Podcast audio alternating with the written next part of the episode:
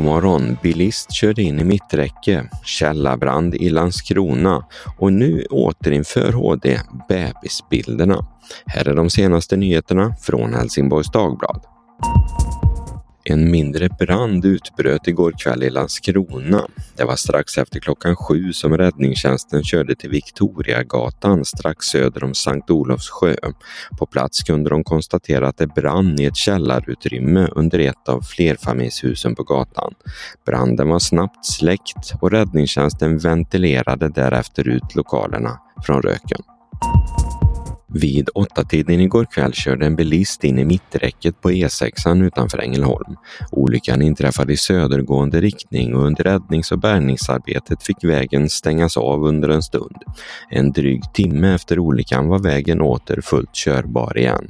Det är oklart om någon behövde föras till sjukhus. Tullen i Helsingborg har ännu en gång avslöjat ett försök att smuggla ett stort parti narkotika in i Sverige. Det var dagen före nyårsafton förra året som en lastbilschaufför i 50-årsåldern körde av färjan i Helsingborg och togs ut för kontroll. I lastbilen hittades då narkotika och mannen sitter sedan dess häktad misstänkt för synnerligen grov narkotikasmuggling. Åklagaren i målet vill inte säga någonting om varifrån lastbilen kört, vilken typ av narkotika det handlar om eller hur stort partiet var. Landets nya kattregister har varit i bruk i ett år. Totalt har 400 000 katter registrerats, men det tros finnas närmare en miljon till som borde finnas i listan över dylika husdjur. Den vanligaste katten i registret, som står för 77 procent, är en helt vanlig huskatt, eller bonkatt som det också kallas.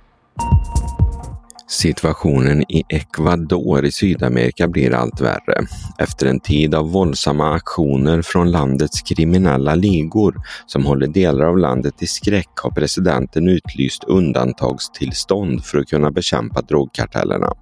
I veckan tog sig ett antal ligamedlemmar in i en tv-studio under pågående sändning och hotade personal både bakom och framför kameran.